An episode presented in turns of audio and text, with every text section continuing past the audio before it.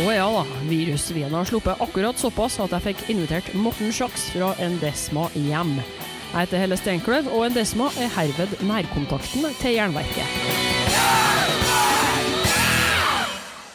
Men du, før intervjuet er noe jeg må si. For det er ikke gratis å lage Jernverket, sjøl om du kan laste ned og høre på det som du vil. Så hvis du vil støtte produksjonen av programmet, så er det helt genialt hvis du vil donere et par slanter. Det går an å trekke et fast beløp hver måned via patrion.com skråstrek jernverket, eller gi en enkeltsum via VIPS nummer 56 74 38. Informasjon og lenkene står i episodebeskrivelser, og beløpet er selvsagt valgfritt. Pengene går rett til Jernverket. Tusen takk for alle bidragene hittil. Jeg er takknemlig for hver eneste kron.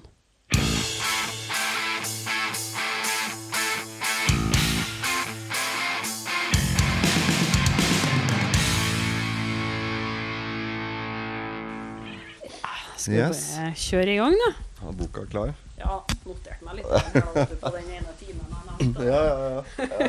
Rakk å tørke støv i trappa òg. Der, ja. Den ruller og går. Perfekt. Ja ja, velkommen hit, eh, Morten uh, Sjaks, eller sier du Sjaks? Sjaks, ja. Nei, ja. Sjaks, det funker, det. Takk, takk. Hyggelig. Ja, det, vet du, du aner ikke hvor trivelig det er å ha deg her. Det er koselig. Først og fremst, det er jo deg, men òg du er en av de første gjestene her på veldig, veldig lang tid. Ja, ikke sant? Fysisk. Ja.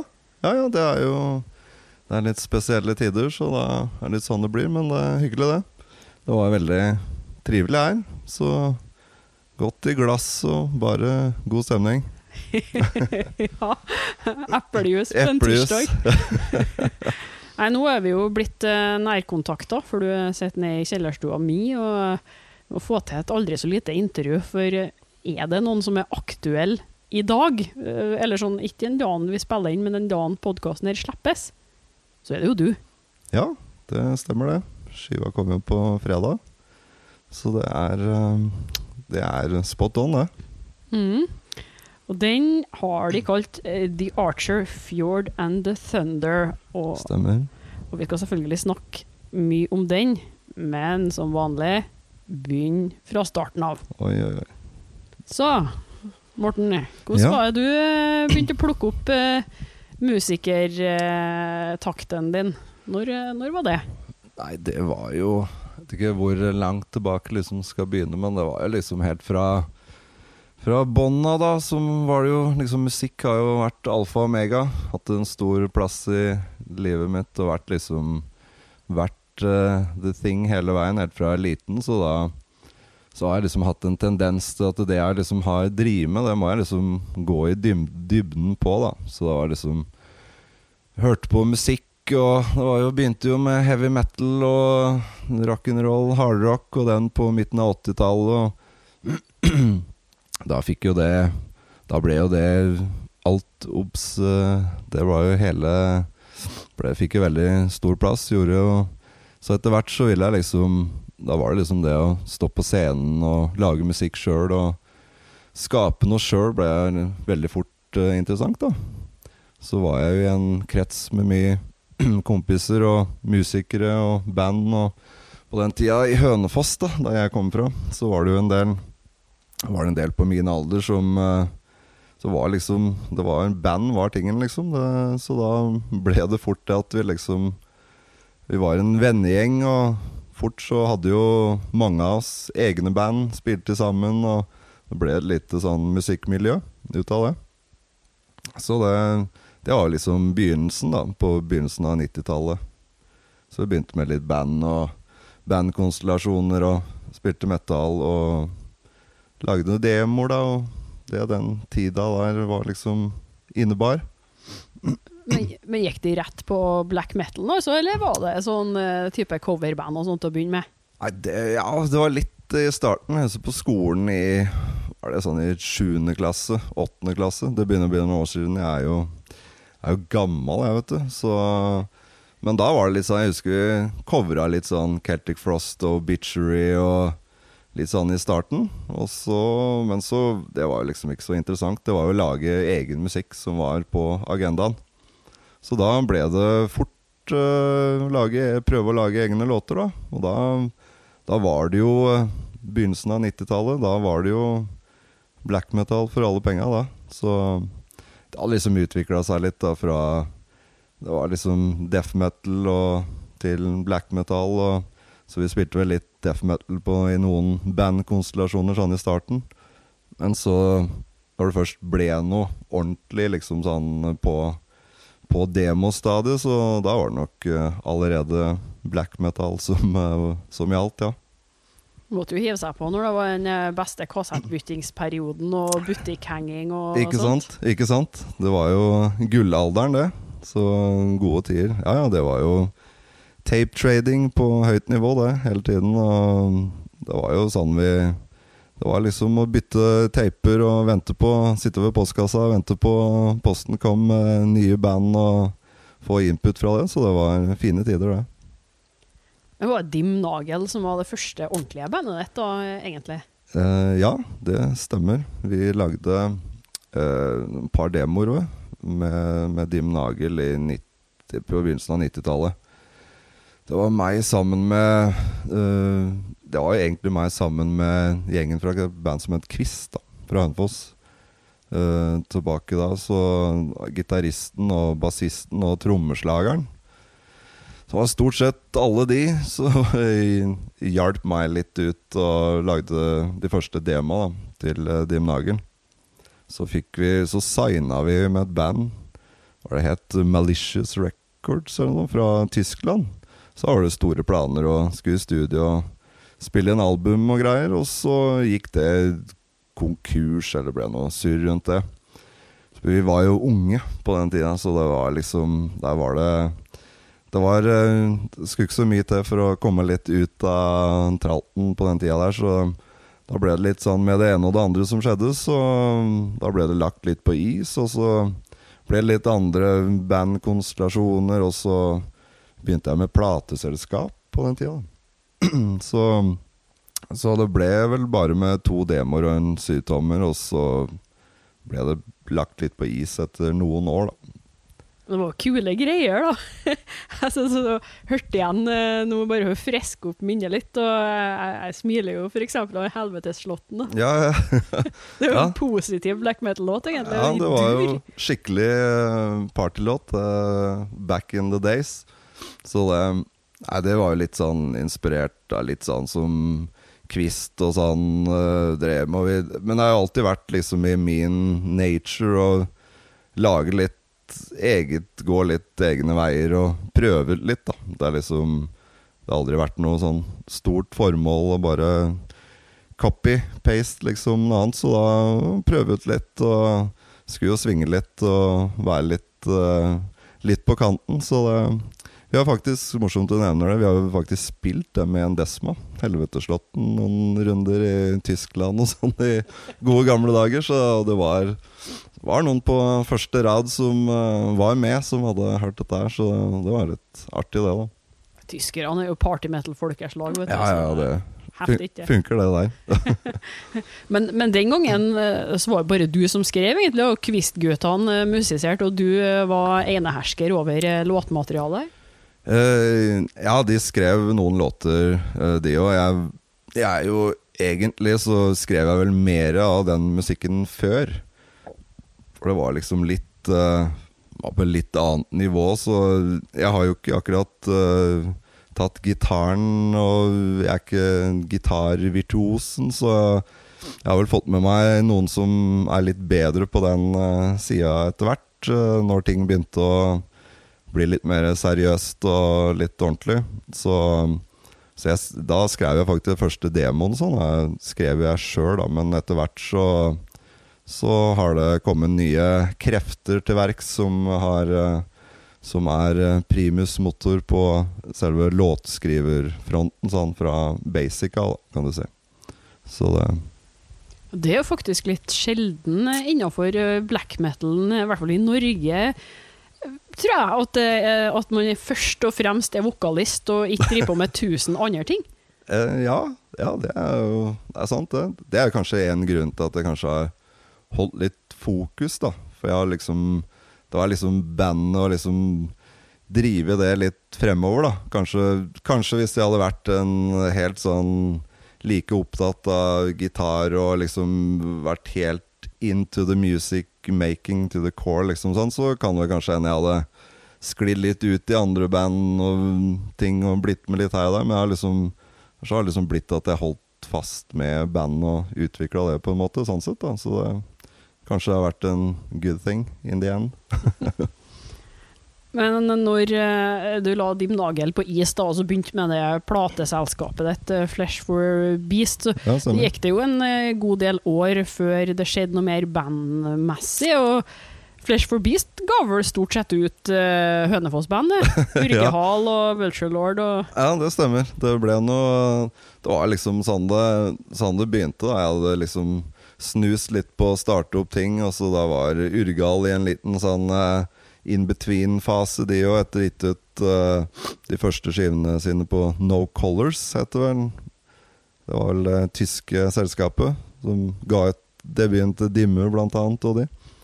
Og så ja, bare, Da var det jo sånn det var på den tida. Da var det noen pils på en fest, og så Nei, søren heller, nå starter jeg plateselskap, og så kan jeg gi ut skivene deres, liksom. Og det var jo til gode skåler, alle syntes det var en god idé, så da, da ble det sånn. Så det var sånn, sånn, det var da.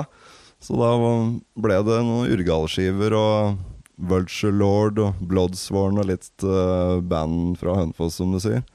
Så snuste vi, ga vel ut et band som het Vidsyn, blant annet med Nocturno Culto som var med.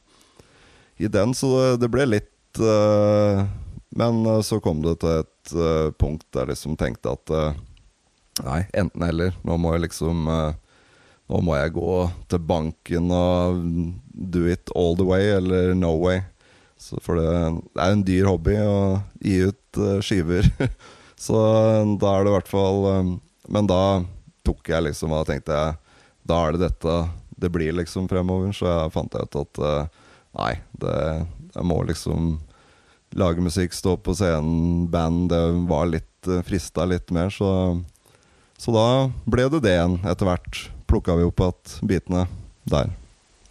Men jeg er jo nødt til å nevne det òg, sjøl om jeg tror du bare ga ut ett nummer. Du drev jo et sånn fanzine, eh, og eh, den gangen så var jo det navnet helt eh, perfekt. Det er Nordic Arian Elite, men man yes. har ikke kalt et magasin det i dag. Og... Ja, det må du sensurere nå, ellers så får vi aldri noe mer spillejobber i Europa. I det nye Antifa-regimet som er og sånn, så det har vært en liten sånn Nei, det var jo helt uh, uskyldig med tanke på Det var liksom Det var jo på den tida Dartron, Transylvania Hunger, sto liksom norsk arisk metall, og det var liksom Det var, det var The Time, liksom, som var, var sånn det var. Det var vel ingen som Jeg har jo alltid vært ordentlig motstander av blande metal og politikk og den sånn, så det har jo aldri vært på agendaen. Men det var liksom Det var liksom den, eh, den spiriten som var før, ikke sant, på den tida. Alle, det var liksom Norge mot Sverige og eh, den pakka der, og da var det liksom eh, Da var det liksom Det skulle bare være Egentlig så var det den nordiske, skulle bare dekke nordiske band, da. Men det var jo ikke noe politikk bak det, annet enn at det var liksom det vi skulle representere, for det sto for en viss kvalitet og sånne ting. ikke sant? Så det var jo litt naivt uh, navn, uh, men back then så var jo alt Det funka, det. Så sånn sett. Ordbruken skulle jo være sånn, da, og det er ja. det som folk sliter med å skjønne i dag. Men jeg kan jo bare si noe om hvilket band du hadde med i det magasinet her, da? Det var, det var Bursum, Immortal, Dissection Section. de, det var liksom de som var Ja, Kvist-intervjua du vel, og da husker jeg det var jo stas. Da var det sånn intervjua liksom Greven og Bursum, og da var det liksom sånn eh, Jeg utfordrer eh, gutta i beherit sverdkamp, og det var liksom var sånn, det var sånn intervjuene var back then, ikke sant? Og Empire-intervju hadde vi jo. Da husker jeg intervjua Samot og liksom spurte hva, hva er liksom Nevn fem viktige ting. Liksom. Ja, da var det jo Nå skal jeg ikke engang gjenta det, men da var liksom, det var jo alt fra drapstrusler til liksom uh, det var, det var jo der, så var det litt, eh, det var litt mer fytt i mediebildet, kan du si, enn det er i dag, da.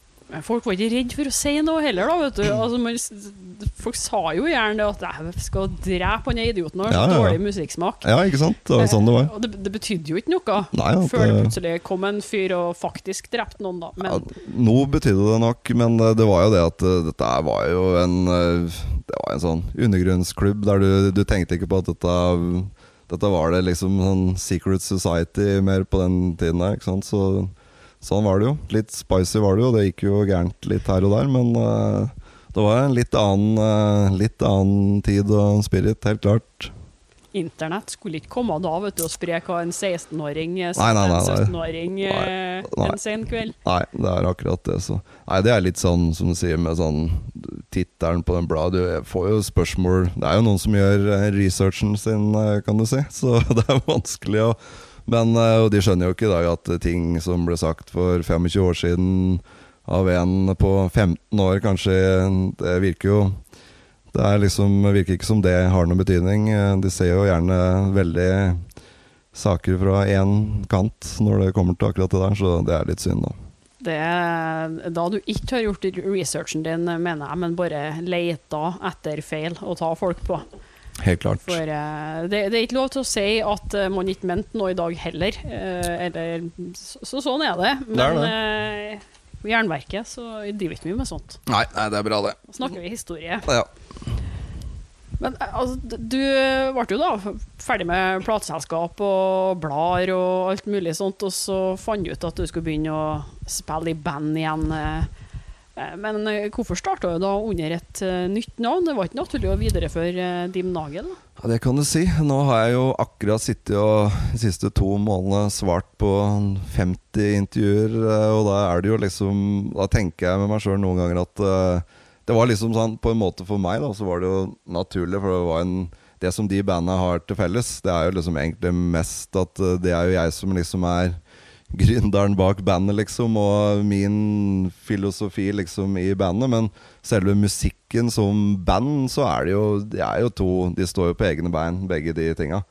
Så det har egentlig bare Jeg har egentlig aldri proklamert at det skulle være sånn, men det har liksom bare dratt med seg at det, ja, nå har, du, har det vært på is, og så har jeg vel kanskje er vi tilbake til det igjen, gamle der, så har jeg kanskje svart ja, nei, vi har liksom bytta navn. Jeg burde kanskje bare ha vært mer tydelig på det med en gang. At nei, du, det her er noe annet. Men så har det dukka opp liksom spørsmål siden det bandet var nytt, og så har det dratt det med seg. Så det har egentlig bare hengt med. Det har jo egentlig ikke sånn voldsom uh, link sånn for øvrig.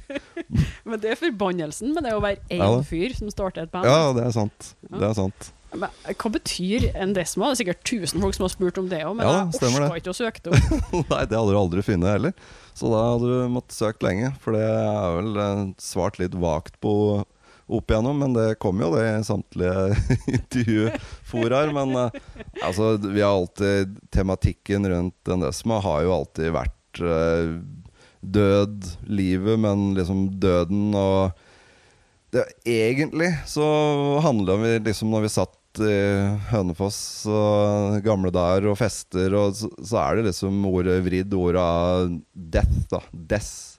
Så det er liksom en Det er liksom en eh, Jeg kalt det en portal til døden, da.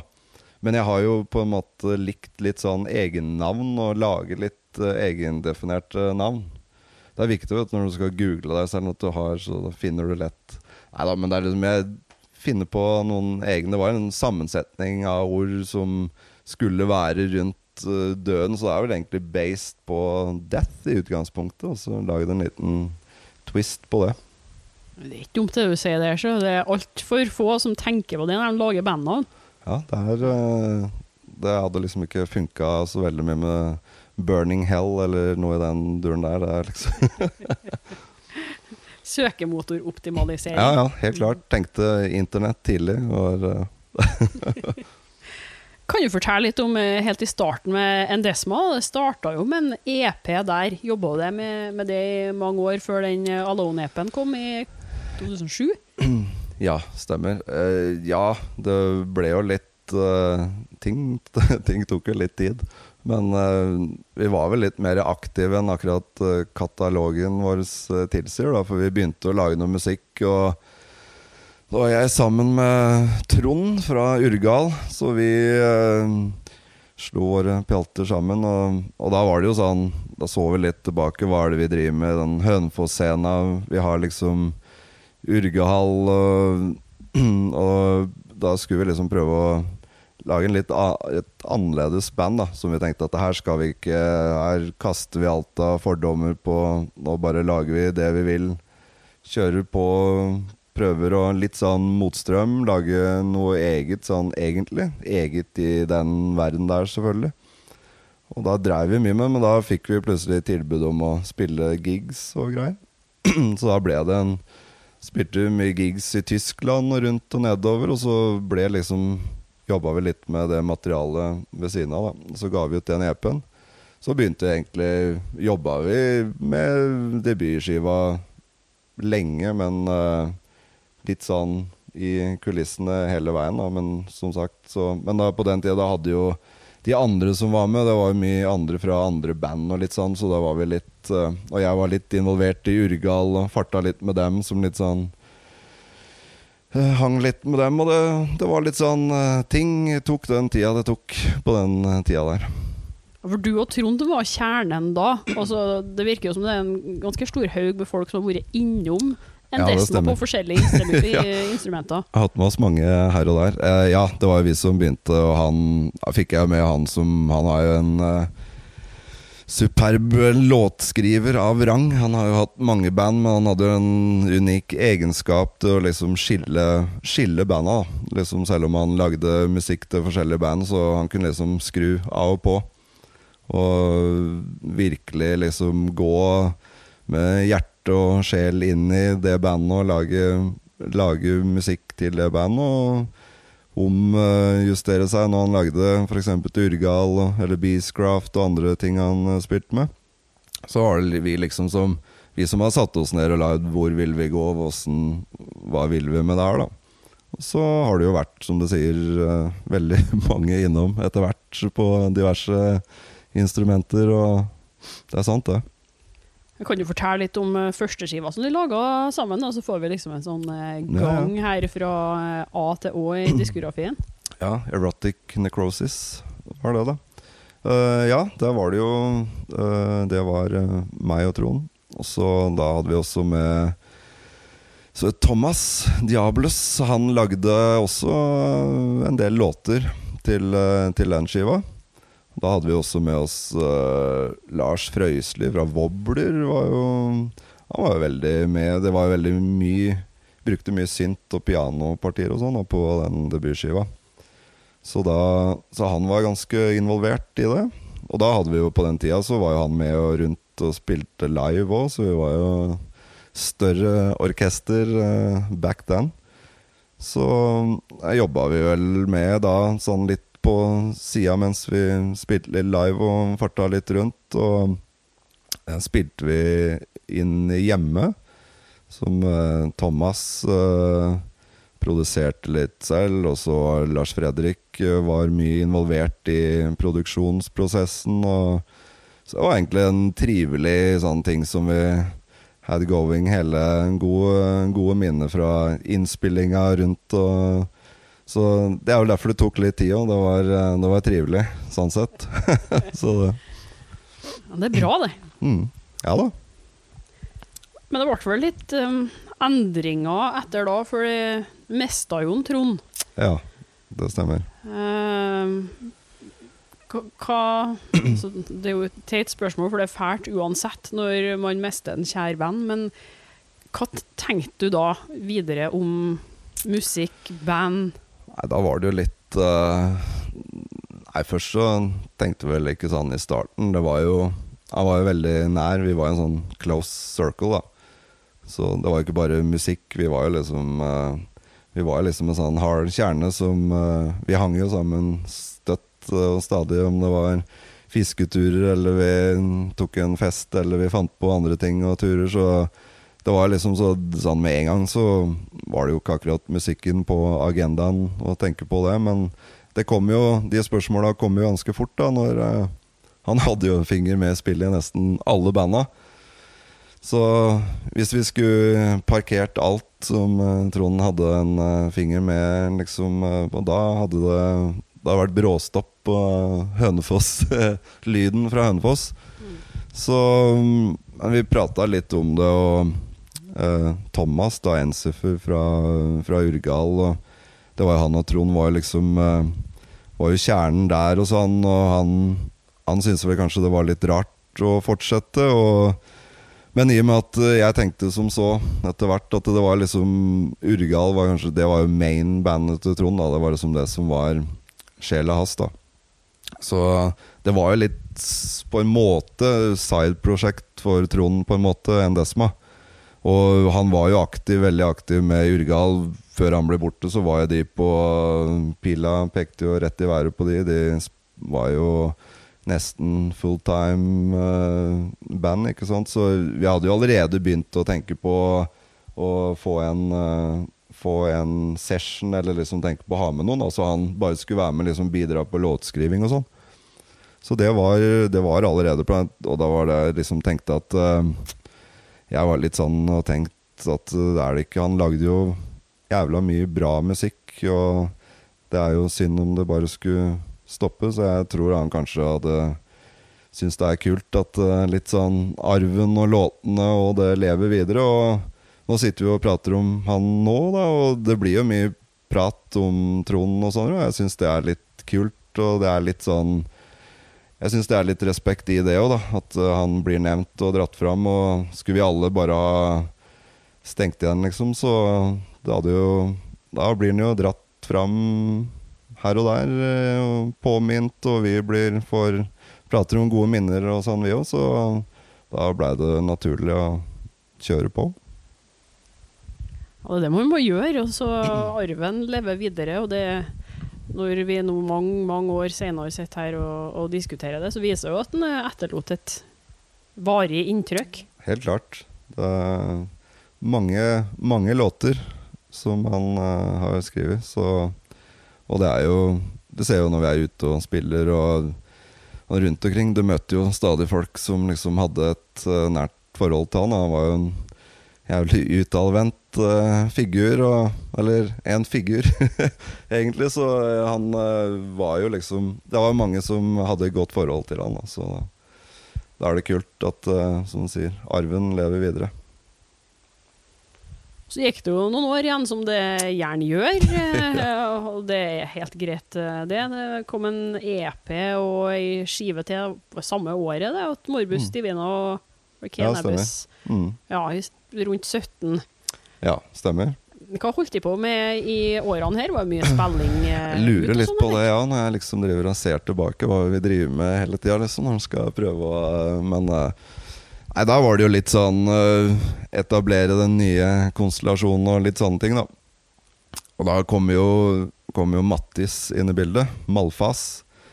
Han kom jo faktisk, siden jeg nevnte jo tidligere at vi prata om å få med en uh, allerede før Trond blei borte, som var en liten Så jeg la ut en annonse, faktisk. Jeg tenkte nå, nå har det vært så mye gjenbruk av musikere og sånn, så nå tenkte jeg må jeg gå litt utenfor eh, liksom uh, maurtua. Så jeg slang inn en annonse i et sånn musikkforum. Og bare rett og slett søkte etter musikere med gode preferanser til og da var jo liksom Mendesma var jo et navn allerede, så det liksom de, de, som søkte, visste jo hva det gikk til. Og da dukka, dukka Mattis inn, eh, inn, der. Og var på audition med Trond og alle, faktisk. Så han, eh, han ble liksom eh, instruert og fikk gjennomgang av av sjølveste far sjøl før, før han overtok. Så det var litt kult. Men da brukte vi jo litt tid på å få igjen uh, igjen, da, som du ser. Det var mange ut og inn og litt sånt noe. Så Men det var jo Det ligger litt i kortet at det kanskje var derfor ting tok litt tid. Da. Det var liksom det var, Ting var ikke så steady, liksom. Så da var det, var det litt sånn. Og så var det plateselskaper, og så hadde jeg lyst til å prøve nytt plateselskap, og da var det litt sånn tok det litt tid der å finne det rette der, og litt frem og tilbake. Og summa summarum så gikk åra, rulla på der òg. Men så har vi jo igjen Det har liksom ikke vært noe Vi har ikke vært der at vi, vi har hatt noe limit på dette, at vi må bli ferdig til da og da. Så da, da har det kanskje blitt litt for slack. Er nødt til å stille oppfølgingsspørsmål til med audition. Noe, for det kan jo ikke bare være en uh, Mattis som var der. Kom det noen sånne snålinger som dere tenker Hjelp, hvem er det mennesket her? Nei, for å si det sånn, så vi gjorde vel litt uh, forhåndsarbeid uh, på de som søkte. Nå, nå, var det jo ikke akkurat sånn at uh, det var liksom uh, Dimmeborger eller noen som uh, vi, vi, var jo ikke helt der, så det, det rant vel ikke inn. Vi hadde vel ikke hundre Bunken var ikke så stor, for å si det sånn. Så det var vel mye sånn fortsatt sånn litt sånn kjentfolk og litt sånn fra han som da tok kontakt da òg. Men det var jo det vi på en måte ikke liksom Målsettinga med det var jo å få med en som var jævlig god og skjønte hva vi drev med var en kul fyr og så riktig ut, var riktig og hadde med seg eh, den rette bagasjen, og ikke hadde store eller noen andre band på si. da Og da ble jo liksom, når du begynte å luke ut alt her, så var det jo ikke så mange igjen. Så det var vel, eh, det var vel bare han som eh, kom så langt at det ble audition. da Men det var jo, det skal det sies, vi hadde jo tenkt å prøve noen andre hvis ikke, men det var jo homerun fra første stund. Både sosialt og Det var jo bare Det var den nye tronen, så da, sånn ble det bare. Altså, det er jo bra, men samtidig når, så er det så kjedelig med 2000-tallet, for du kan sjekke alt på forhånd. ja, det så det betyr at dere har ikke noen sånn bra auditionhistorie audition-historie med noen ene som kom med tigerbukse og kastratfotball, liksom. Kunne jo blitt noen gode historier av det, altså, helt klart. Så det, nei, det, er, det er akkurat det. Du får jo gjort rimelig heftig research, da. Men det var vel mer han som lurte på om dette her var det rette, etter å jeg skulle, vi skulle spille en gig i Tyskland. Det var jo bare rett etterpå. Og han, eh, da hadde vi Da skulle vi spille sammen med Angstskvadron, et annet band eh, som Trond hadde. Og, eh, og, vi hadde øving sammen, så da han kom inn Når Mattis kom inn her, så da var det vel liksom full virvar av en Desma-øving og Angstskvadron-øving i samme, og han bare 'Du må bare Nei, bare sett deg ned her og vent, så skal vi så skal vi ta dette her etterpå når vi er ferdig, liksom. Og han var liksom var litt yngre enn alle oss da på den tida der. Så han er fortsatt yngre enn oss, det er ikke det, men Så han, eh, han, lurte vel litt på liksom hva i F han hadde bitt seg ut på. Så det var vel uh, Han blei vist, og det var liksom litt sånn på tampen og ja, ja, litt sånn her og her kan du spille den, og Men uh, Mattis hadde jo gjort hjemmeleksa si og lært seg låter og det som var, liksom. Så nei, det, det var det, det, var nok en større vill opplevelse for han, kanskje, å komme inn i det rottereiret her. Men det funka nå, så det var kult, det. Regner jeg med at han òg fikk sittet litt spor da når de kom ut med nye ting i, i 17. Kan du mm. fortelle litt om utgivelsene? det året her. Kanskje da særlig Arcane Abyss. Ja.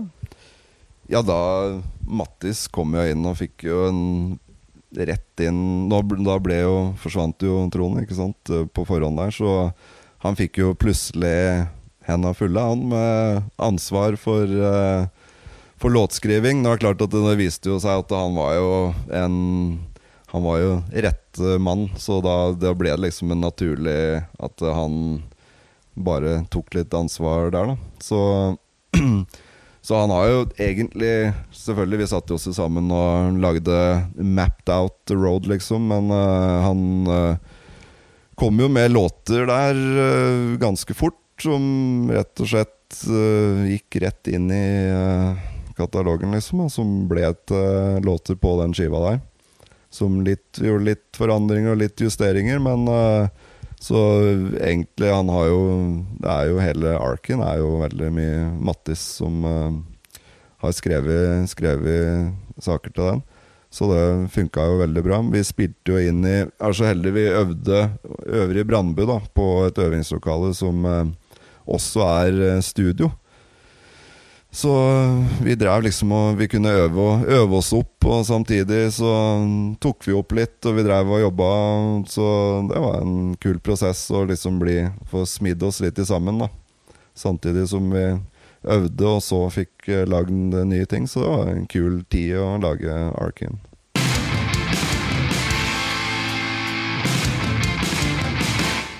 Hvordan jobber du med musikken? da? Jeg forstår det som at er, du i hvert fall eh, lager mye tekst, og sikkert også da vokallinjer. Hvordan Mm. setter de sammen eh, ei låt? Nei, det er Først så lager vi Blir vi enige om liksom F.eks. nå på The Archer-skiva nye, så setter vi oss liksom sammen og lager en Hvor vil vi? Hvor, hvor skal veien gå, liksom? Og så Hvordan skal vi liksom strukturere dette her, og, og hvordan, hvordan vil vi ha det til slutt, på en måte? Og så begynner vi å så begynner han Mattis lager riff, eh, gjerne som han sender litt rundt. Og det som er fint med den moderne digitale verden, da, så han, Og han har jo faktisk uh, fullt studio hjemme, så da, da er det jo veldig fort gjort å putte sammen noe riff. Og så blir det gjerne partier og snutter. Og gjerne hender han også lager full pre-production på ting, og så sender han det rundt da, til oss andre og meg og rundt, og så kommer vi med Så sier at eh, dette her her får vi gåsehud av, kjør videre på det, eller nei, nei, dette her funker ikke, eller gjør forandringer, prøv der, bytt om, snu om riff og litt sånne ting. Og så er det litt ballkasting att og fram. Og så vokser låta fram på en måte når vi litt sånn sender ting rundt. og så legger de andre tar vi det med til øvingslokalet når det liksom ting begynner å nærme seg liksom helheten på ei låt. Så, så Der kan jo alle bidra liksom når det Når alle kommer sammen. Og så tar jeg Jeg har stort sett tekster Jeg skriver alle tekstene og sånn. Stort sett så har jeg har jeg det klart up front, men selvfølgelig når eh, låter blir til og så blir det en ny runde når, når ting er helt klart. da Litt finjustering og tilpassing og sånt. Jeg syns det er litt viktig. Det er jo mange kanskje i den bransjen, i black metal-verden, som det er bare å legge spora oppå ettersom det passer, men jeg liker å jobbe litt med det sånn sett. Altså, så da blir det litt att og fram og litt omskrivinger og sånn, og så tilpassing. Og til slutt så har vi ja, er vi rimelig nærme produktet når vi er i øvingslokalet. Og ja, det blir litt feinsch- feinschmecking, bare, kan du si. da Vi prøver ikke å bruke altfor mye tid på den ta den prosessen før vi står i øvingslokalet. Slik at liksom, det blir eh, litt fruktbart, det vi driver med der, når vi først er samla. Har det hendt at du har hatt eh, tekst, eller i hvert fall konsept, klart i hodet på forhånd, og så sagt at gutta, jeg har den her nå, eh, den strofa her, det må gå an å lage noe musikk rundt dette. Ja, det har jo hendt. Det har hendt, det.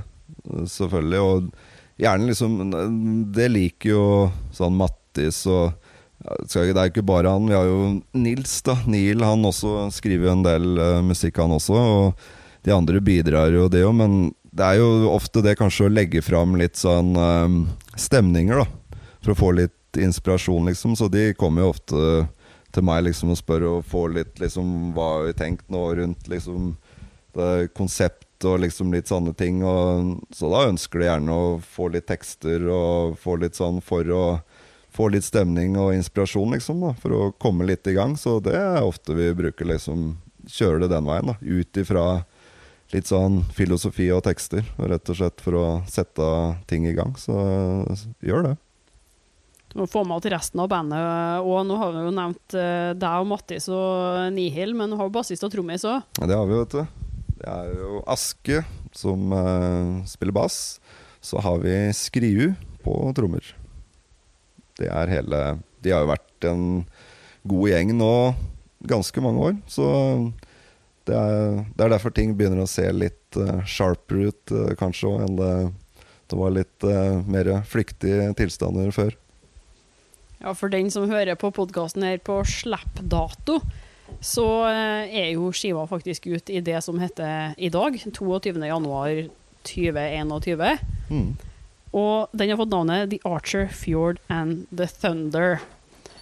Um, og det her må du fortelle om. Jeg forstår det som at det er et konseptalbum. Ja, det er jo det, for så vidt. Men eh, det er kanskje konseptalbum og konseptalbum. Det er ikke i den forstand at eh, det er eh, King Diamond eh, liksom Du følger en historie fra første låt til siste som liksom konklusjon og roundup til slutt, liksom. Det er jo mer det er Konseptet er jo rundt samme tematikken som vi har hatt i, på tidligere album. Samme den fil filosofiske plattformen til Endesma, den er jo den samme. Jeg liksom hadde lyst til å ha litt mer helhetlig uttrykk, da. Og bygge dette her rundt, så da har det på en måte dukka opp noen eh, characters on the, on the way. Så der er uh, The Archer og, og det er liksom Det har fått en, det er en symbolikk da som blir den røde tråden i hele, hele plata. Som, som filosofien rundt uh, skiva er, eh, er bygd rundt. Og det er disse karakterene som dukker opp, eh, og de er jo med i flere, flere av, av tekstene på skiva. Så, så er det, det er litt sånn du kan, hvis noen vil eh, gå litt mellom linjene og sånn, så er det mulig å skjønne litt hva de forskjellige karakterene og steder og gjenstander og litt ting, eh, hva det symboliserer, da. Og hver låt har en, egentlig en egen agenda i det totalitære universet som dette her eh, dreier seg om, da. Så det er på en måte det som er eh, konseptet i det, kan du si. Flere lag også. Det er ikke bare det det eksplisitt er med skyt, eh, hva heter bueskytteren som står foran Nei. i fjorden i tordenværet, som er på coveret. Mm, her stemmer det. Nei, det er jo Det er opp for tolkning, det. Hva, hva han gjør. Hva huset, eller tårnet, og hva det symboliserer, og hva ilden symboliserer. Hvor de er på veien, eh, fjorden, da, hvor den går, og hva vannet og veien Hvor skal de, hvor kommer de fra? Hvem har de med seg, og hva symboliserer de? Så det har Alt har sin plass i den verden der, da. Og nå er det jo på nytt plateselskap igjen nå, Dark Essence. Ja da. Og da skjer det jo ting. Det er jo en gjeng som hiver seg rundt på promofronten. Det er, eh, det er helt klart. Det har vært en ny, eh, ny givende energi, eh, det å få de med på laget, altså. Savna det, da. Det Ja, åssen gjorde vi det? Nei, vi, altså, vi har jo vært litt rundt Jeg har alltid vært sånn at uh, Alltid bare vil signe for ett album.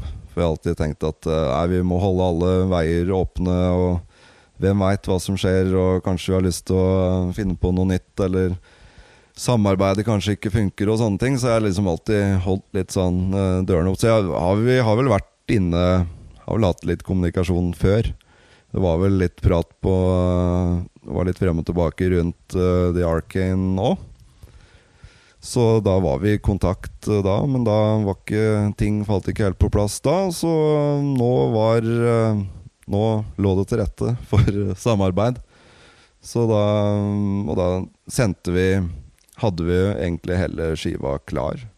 Så jeg sendte til de, og de kicka på det. Sa at nei, nå må vi do something. Og etter hvert som det har unfold, så har det jo vist seg vært uh, jævlig bra ting å være der. Er jo, vi har jo bare vært på utenlandske labeler, og det er klart, selv om de er i Bergen og vi sitter i Hønefoss, Oslo eller rundt omkring her, så det var litt sånn feeling av homecoming, på en måte. Så det har vært jævlig kult, det, altså.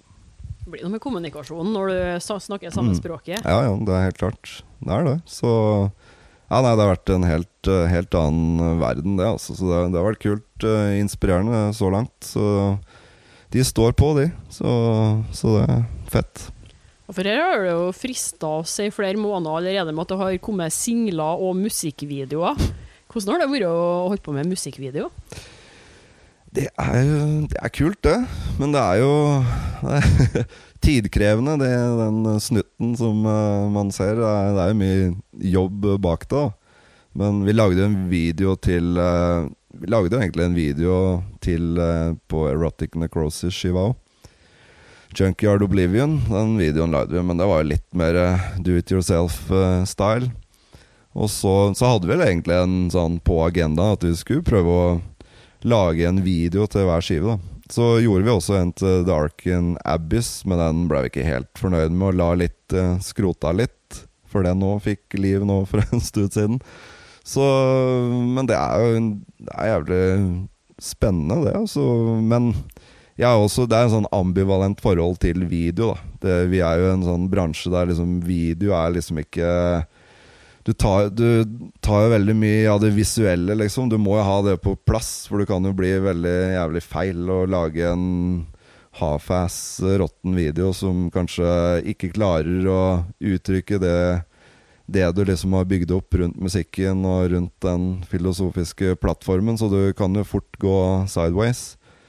Så det har liksom vært viktig å prøve å få, få dette her til å funke. da Så det er jo vanskelig i den sjangeren vi driver med, syns jeg. Så det er litt krevende òg. Det er litt sånn eh, Det er risky project med videoer i, black metal, og det er det. Kort vei mellom seriøsitet og komikk, ja. Det er det. Så helt klart. Thin red line. Eh, kan du si litt mer om musikken på plata? Jeg må jo si at uh, jeg, jeg syns det er lovende. Jeg har hørt den noen ganger nå før. Intervjuet her, og jeg hang meg spesielt opp i strupesangpartiet. Ja, ja, ja. Ja, stemmer. Uh, ja, nei, altså Ja, når det kommer til vokalen, altså, altså Det er liksom Jeg har prøvd å ha kanskje litt annerledes vokal enn det er på mye av de kanskje mainstream uh, Mainstream black metal, men det har også vært litt viktig for oss å holde, eller meg, å holde det litt uh, eget og liksom På en måte. Så det Men uh, ja, strupevokal uh, Ja, jeg, jeg, liker jo det. Det skal være litt intenst, da. Du skal bli litt sliten av å høre på det. Så det Der har vi det igjen. The thin red line, selvfølgelig. Det er jo sånn Det er kanskje kan fort bli litt sånn hate it or love it-ting hvis du blir litt sliten av det. Men det er rett og slett for intensiteten. At det skal være litt sånn crust og føler at det skal være litt uh, stram atmosfære på det. Jeg likte det jo, for det var jo bare på én låt. Så, så, det er jo ikke sånn at du hele tida dykker oh, ja, Når du tenker bare på det strupet, ja, sånn du tenker på? Ja, nei, jeg sa at jeg hengte meg opp i akkurat det partiet, men altså Ja, 'Stab Your Side-låta på ja, akkurat ja, den. Ja, ja. ja, nei, den var jo en Den kom jo liksom i studio her. Vi flira vel godt egentlig av den, men på en måte så var det liksom Er det overkill? Skal vi ta den igjen? Eller liksom bare Nei, nei, vi kjører på det her. her. Eh, så det ble, det ble litt sånn. ja, nei, vokalen, nei. Jeg klager ikke på det. Jeg syns den, den, er litt annerledes, som du sier, men den, den er kanskje litt mer sånn uh, uh, førstebølgen uh, black metal-aktig, kan du si, da. Ja, det, den, er, mm. den, er, litt mer sånn rock'n'roll. Mm. Ja, det er sant. Ja. Men det, det er bra. Skal være det. Ja, syns det. Det hører, hører med det. Ja, det, det, så jeg jo. Altså, man kommer jo ikke bort fra det å uh, lese seg opp før intervjuer og sånn at uh, Se hva andre har uh, spurt om, og uh, noen spørsmål må du stille, og andre trenger ikke å stille. Men det er jo så mange som henger seg opp i, særlig utenlandske blader, det med den, den gamle scenen av 90-tallet, og hva syns ja. du om det nå, og sånn. Og så så jeg at du hadde svart at det er så mange som snakker om uh, 'keep the old flame alive', men uh, sier uh, 'litt a new flame'. Mm. det ja, det er akkurat det. Yes. Det er å prate om gamle dager uh, opp og ned i mente hele tida. Det er jo greit nok, det. Kult, det. Det er jo en, selvfølgelig en historie bak alt, men det blir litt sånn noen ganger så må man jo se fremover, da. Når liksom sitte og prate i halve liksom, sånne intervjuer om hva, hva som var før. og Klarer dere liksom å Hvordan klarer dere å håndtere arven? For å liksom Du føler litt at uh, vi driver ikke med det her og Vi driver jo ikke med for å kopiere gamle dager.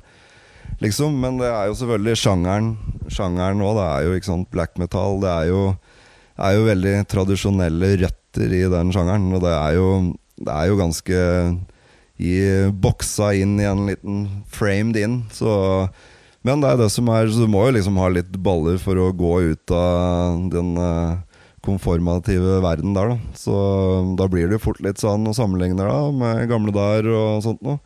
Men vi er uh, ferdig med gamle der, vi. Altså, vi ser, vi ser framover. Så får det være det det er, og vi må stå bak det og fornye oss. Og det er jo kommet i en del sånne reviews, og at, at vi låter er moderne uttrykk på black metal, og det syns jeg er en fin, fin ting. Men det er jo det mange som disser det på, med bakgrunn av det samme, selvfølgelig. At ja, nå er du for langt utenfor det det skulle vært, på en måte. Kjedelige Men eh, fuck that. Det, det går ikke. Altså, det er jo en grunn til at jazzen ikke er swingjazz eh, Mm. hele tida lenger eh, Ikke sant? heller, da. Ikke sant? Det er et godt poeng, det. Ja. Nei, vi må, vi må se fremover. Det, det er det som må fornye seg. Men selvfølgelig skal jo ikke fornye seg for å, bare for å fornye seg. Det må jo være det må jo være en konstruktiv fornyelse, men så lenge det er eh, Det er hjerte og sjel bak progresjonen, så må vi fremover. Ja, nå som jeg har det litt friskt i minnet, det blir ikke noe Grand Prix-opptreden på dere, da? Eh, Sånn, eh, det blir jo gammelt, det òg. Det Ja, nei, jeg har ikke noen planer der foreløpig. Ser at det er i, er i vind, det, men du så jo åssen det gikk her om dagen. Det er ikke noe, de er ikke klare for uh, rock og metal ennå der, så det ut som. Men Uh, Nei, det gikk ikke så bra med en Jørn uh, Kibokelesin, ble nummer to i Norge, men uh, ja, Mm. Wigwam gikk jo til internasjonale finalen, da. De gjorde det, ja, det stemmer. Og. Lordi vant. Ja, da vant det altså. Det begynner er, å bli lenge siden. det er jo håp. Ja, det begynner å bli noen år siden. Ja. Ja. Nei, vi har ikke noe eh, er ikke så eh, Vi er ikke der, altså. Ikke så vi, progressiv. Nei, vi er ikke så progressive. Der må vi, der må vi bremse litt. Eh, men skiva nå, altså Vi er jo i et spesielt år, eh, eller fortsettelsen av et spesielt år. Og det klarer jeg ikke å la være å snakke om, for um, det ble jo ikke mye spilling på dere i fjor. Og det er jo Vi vet jo ikke hvordan det blir i år heller. Jeg vet de gjorde vel litt konsert sånn eh, når det var åpent for at folk kunne sitte med ti meters avstand, eh, tre stykker i et lokale. Mm. Hvordan var det? Det var noe dritt. Nei, det var, eh, det var håpløst, det, altså. Men det er klart at når det her kom, og man trodde at det var en skulle vare en, være en kort periode, så var det klart Da var det jo fristende å prøve ut eh, de gitte konseptene som uh, dukka opp, kan du si. Men eh, sånn sett i etterkant så er det jo ganske håpløst. Du må liksom definere hva hva er det vi driver med, da? Hva er det vi liksom Uttrykket vi har, og hva er det vi vil presentere? Hva er det vi ønsker å få ut av det å spille live? Og det ble bare helt feil til slutt, med sittende innendørspublikum rundt bord, og du får ikke lov til å gå rundt, og blir du litt carried away og du reiser deg opp, så kommer det noen og drar deg ned igjen, og liksom Det er så antiklimaks både eh, både for publikum og artister, da. Følte i hvert fall jeg og vi at det det var ikke noe vi hadde lyst til. Nå har vi dabba litt da på den fronten òg. Naturlig nok. Det fikk sin brå død av en naturlig årsak. Vi hadde en gig sammen med Mork eh, i, eh, i sommer i Halden, og det var utendørs. Og det, da var det jo litt sånn Da kunne jo få litt eh, festivalfeelingen, på en måte, selv om han satt Men det var litt løsere i kanta og litt eh, Det kunne Det konseptet var jo for så vidt eh, funka. Men sånn innendørs og sånn, så vi, vi, det la vi på is og fant ut at det får bare bli den tida det blir til det ting er Vi må ha Vi liker svette, trange klubber med å stå face to face med folk og være liksom Det må være litt eh, energi og the right thing hvis det skal være noe vits. Eneste fordelen må jo være at når de legger ut på turné, som jeg regner med de har lyst til å gjøre med, med ny plat ut, at folk allerede kjenner materialet da. For eh, risikoen med å ha slippfest og så ta fem dager i strekken, er jo at ingen har hørt det før. Hvordan, eh, hvordan synes du, altså erfaringsmessig, hvordan har det vært før? Er folk på, eller er det sånn Åh, hva er det? Ja, det, er litt opp og, låter?» det er litt opp og ned, det. Men det er jo selvfølgelig nå, når ting får satt seg litt, så får jo folk eh, mer tid til å bli kjent med materialet og sånn. Og selvfølgelig, det er jo, det er jo positivt. Det er jo klart, det. Men nå spørs det hvor lang tid de får til å sette seg inn i dette materialet. Jeg håper de ikke får for lang tid. For vi vil jo ut. eh, Vi klør jo fingra nå etter å komme ut, og vi har jo lagt mye mye arbeid i, rundt liksom skiva og planlegging, og, så vi kommer midt i eh, liksom episenteret av når dette her starta liksom i fjor, da. Så vi, vi skulle jo Planen var at vi, vi skulle i hvert fall sikkert vært på turné nå, om ikke ferdig. Det var liksom plan A.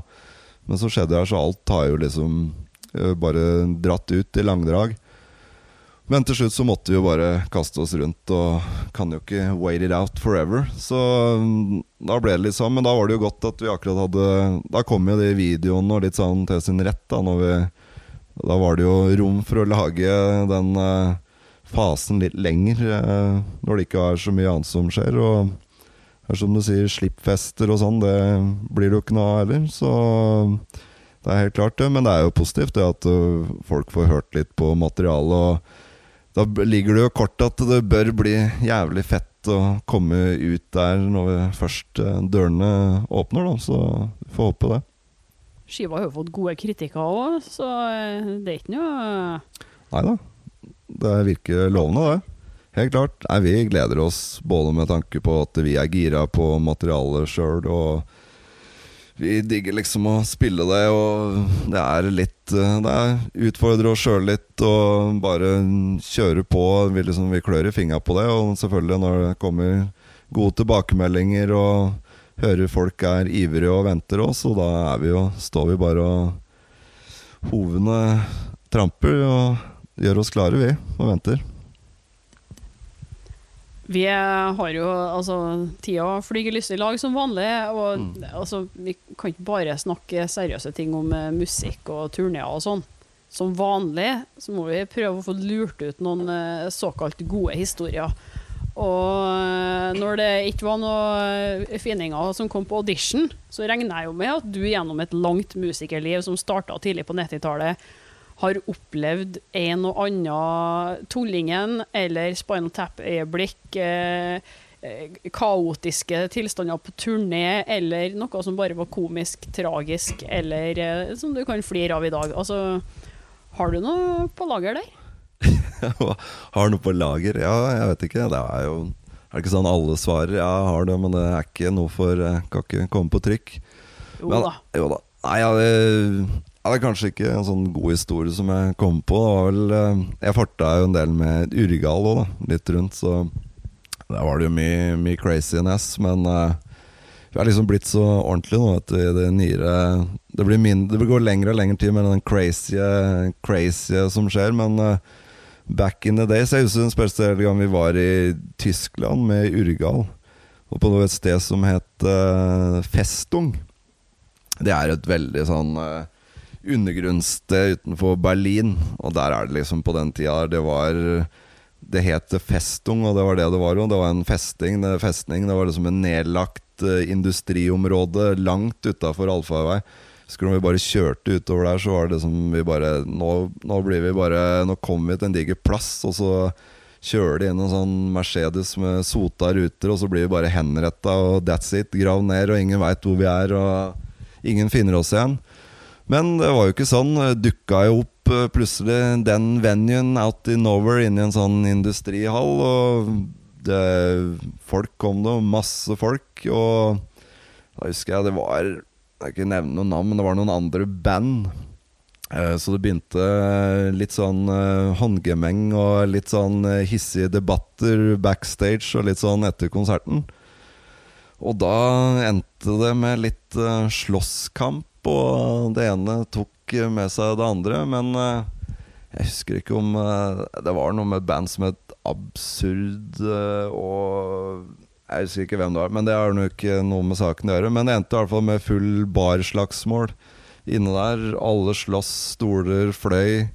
Og jeg fikk en svær kar over meg som var helt byting og, og helt vilt, så jeg måtte Så jeg tok ølglasset mitt og smalt i bakhuet på han. Og da Det var litt til. Da var det noen andre som klikka i vinkel enda mer, og det var alle kompiser. Det var Urgal vi dreiv liksom på. Og de med sminke hadde akkurat gått av scenen, og det var slåssing og fyrtårn. Og det, til slutt så kommer bare arrangøren, og så sier han bare at Du, nå eh, I don't know if I can protect you any longer. Så da Nå, nå er det bare best at dere kommer dere i bilen.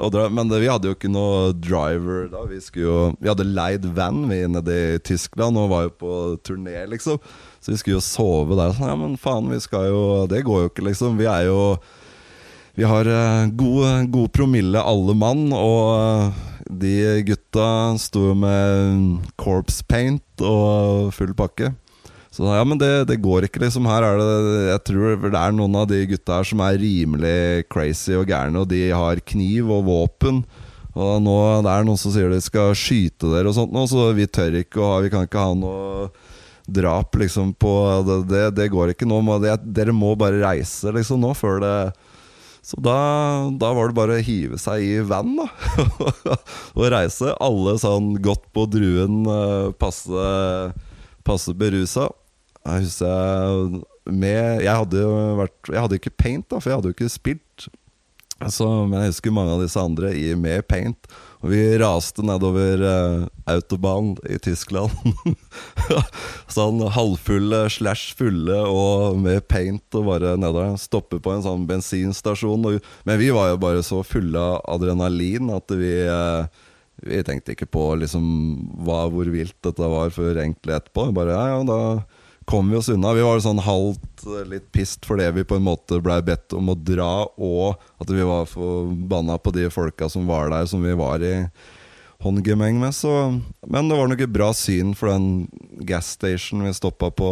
Det gikk eh, sånn eh, halvsjanglete, litt gira folk ut med corpse paint og sånn midt på natta der. Men det gikk noe bra. Jeg husker ikke helt åssen vi, vi, fant oss vel et sånn road-motell eller noe Fikk sove ut eh, dagens neste bravader. Her, det er ikke ofte det bryter ut slåsskamp på en måte, nei.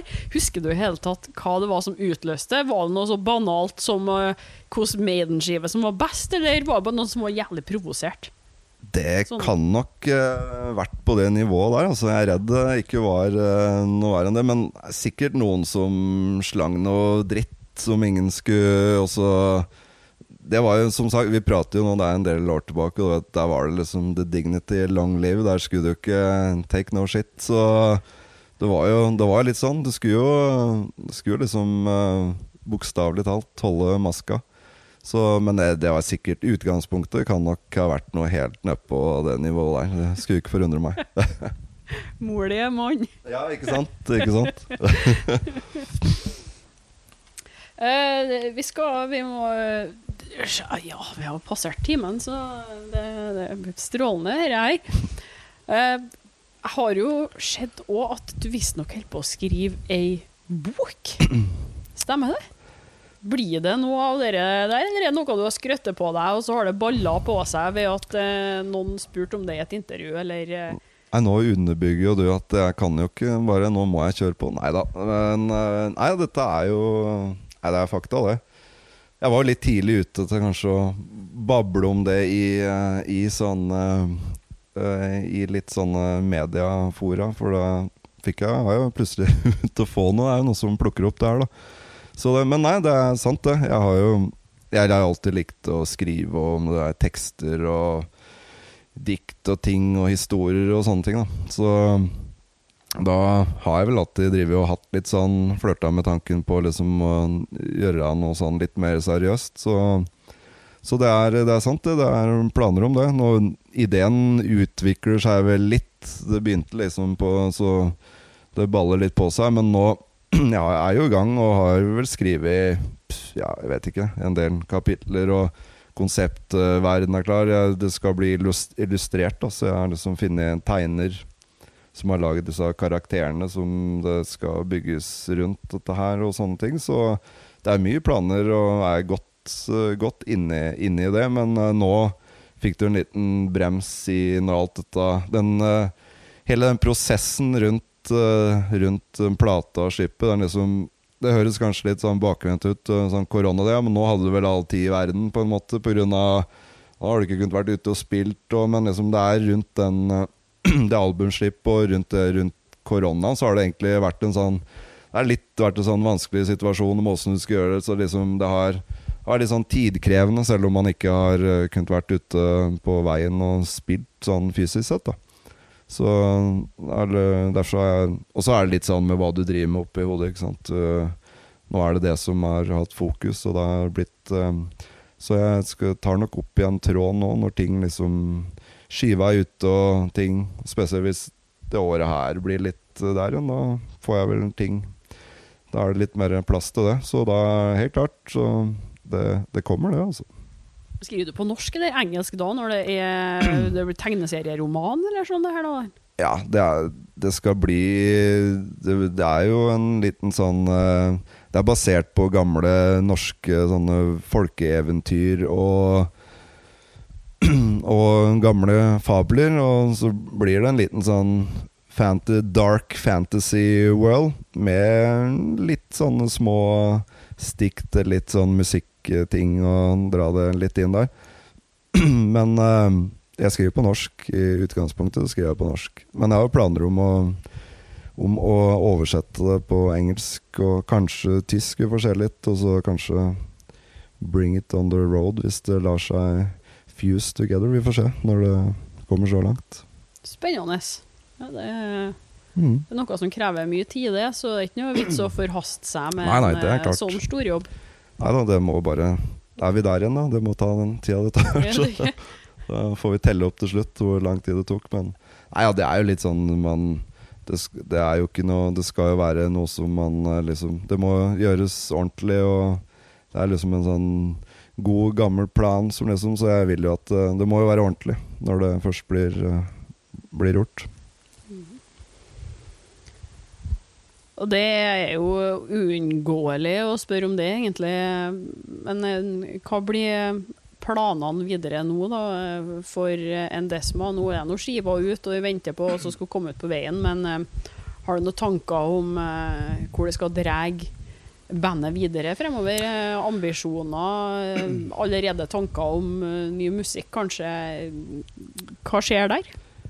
Ja, nei, altså Nå har det jo nå har vi liksom Vi satte oss jo ned i forkant av den skiva her, og som vi var litt inne på tidligere, at ting begynner å bli litt mer Det er struktur på ting, da, og ting begynner å gå litt raskere fremover. Og se, og nå har det vært bra oppmerksomhet rundt, uh, rundt skiva så langt og sånn òg, så, så vi kjører på, vi nå. Så tar det tar, hopper på toget, ser hvor det, hvor det går. Så vi vil lage musikk og brenner for å spille gigs og kjøre på. Så vi, vi kjører på full gass, det. Så nå har vi Nå har vi jo satt i gang å lage nye låter, og er vel veldig godt i gang med det. Så vi tenker jo Planen er jo nå at uh, vi må jo se det litt an, men hvis det blir reprise av året som var, nå som kommer, så må vi jo bare Da må vi lage ny skive, da. Så det er planen. Vi satser på å ha materiale til ny skive klart til sommeren. Så hvis vi brenner inne med zero gigs i 2021, så går vi nok i studio til sommeren og spiller inn en til. Og da kanskje de har brutt tradisjonen tradisjonen med å hoppe til et nytt plateselskap og eh, Det kan jeg love deg, for vi har signert på to album. Så nå blir det Ja. Da må det bli ei skive til uansett, da. Det må det. Så Nei, den kommer på Neste blir på Dark Essence. Så det var litt av planen oppi hele nå, på litt kontinuitet og satse litt og gjøre ting litt ordentlig. At nettopp uh, få den De også, de legger jo ned mye arbeid, de òg, så de vil jo De vil jo ikke legge ned alt av arbeid og se oss i goodbye heller, så det er litt gjensidig, det. Så, så det er eh, Planen er to, to, skiver der, men det er det vi har signert for. Men sånn som det ser ut nå, så hvis alle er fornøyd, så får vi nå bare se hvor veien går videre. Men uh, vi koser oss på Dark Essence, vi, så det kan fortsette, det. Får vi treffe igjen noen av typene fra Archer-skiva nå på neste, tror jeg? Det gjør du. Det gjør du. Nei, det er eh, den det er nok eh, verden er kommet for å bli. Nei, Vi får se hvor lenge de lever, de karakterene. Men uh, de er i hvert fall med på neste runde, sammen med noen nye. Spennende. Mm. Da aller, aller sist, jeg vet ikke om du er blant dem som er god på å oppdatere deg på ny musikk, eller om du er en av dem som lever i fortida, sjøl om du skal dit til new flame. Eh, men eh, har du noen sånn eh, tips til folk på slutten om hva de eh, bør høre på nå, utenom eh, skiva deres? Ja, nå er det jo Jeg må jo fronte Hønefoss igjen, da. Vi er jo kommer jo stadig nye band fra Hønefoss, du. Militsen? Ja, ja, ja. Så jeg må jo trekke fram Ulvehyrde, da. Som eh, De slapp jo første singelen sin, eh, 'Jarlen', den eh, 30. desember. Med lyric-video og greier, så den kan dere sjekke ut. Og tror jeg skiva kommer i, eh, kommer i mai. Så det Og det er også litt uh, god, gammeldags black metal med driv, men med et uh, spennende Spennende tekstunivers uh, der òg, som er verdt å sjekke ut. Så det, det er dagens stalltips. Ulvehyrde. Du har hørt et intervju med Morten Sjaks fra Endesma. Likte du det, kan du f.eks. høre episodene med 1349, Fenris eller Mork. Neste uke har jeg funnet frem et intervju jeg hadde glemt at jeg hadde gjort. Paradise Lost i sånn 2009 eller noe. Yeah, well, hopefully, yeah, uh, enjoy it. If you don't enjoy it, you know, go to the bar, you know, Yeah, if you can afford it. if you can afford it. Yeah. And Okay. if you do, get me one and bring it to the stage and I'll totally drink it, thank you. Ställer jag kvar. Yeah. Oh, it will, you won't get that, will you? Gjør ikke du det allerede, abonner på Jernverket podkast via app, eller gå inn på jernverket.kom. Fortell alle du kjenner om podden, og legg gjerne igjen ei god anmeldelse der du hører. Og vil du bidra med noe penger for at jeg skal kunne fortsette, kan du gi støtte via Patrion eller Vips. Se info i episodebeskrivelser. Og husk på å følge Jernverket på Instagram og Facebook for konkurranser, diskusjoner og musikalske tips. Akkurat nå kan du vinne skiver og merch fra både Dark Essence og Katakomben. Jeg heter Helle Steinkløv og kjører på med et nytt eller gammelt hardrock-intervju hver fredag. Vi høres!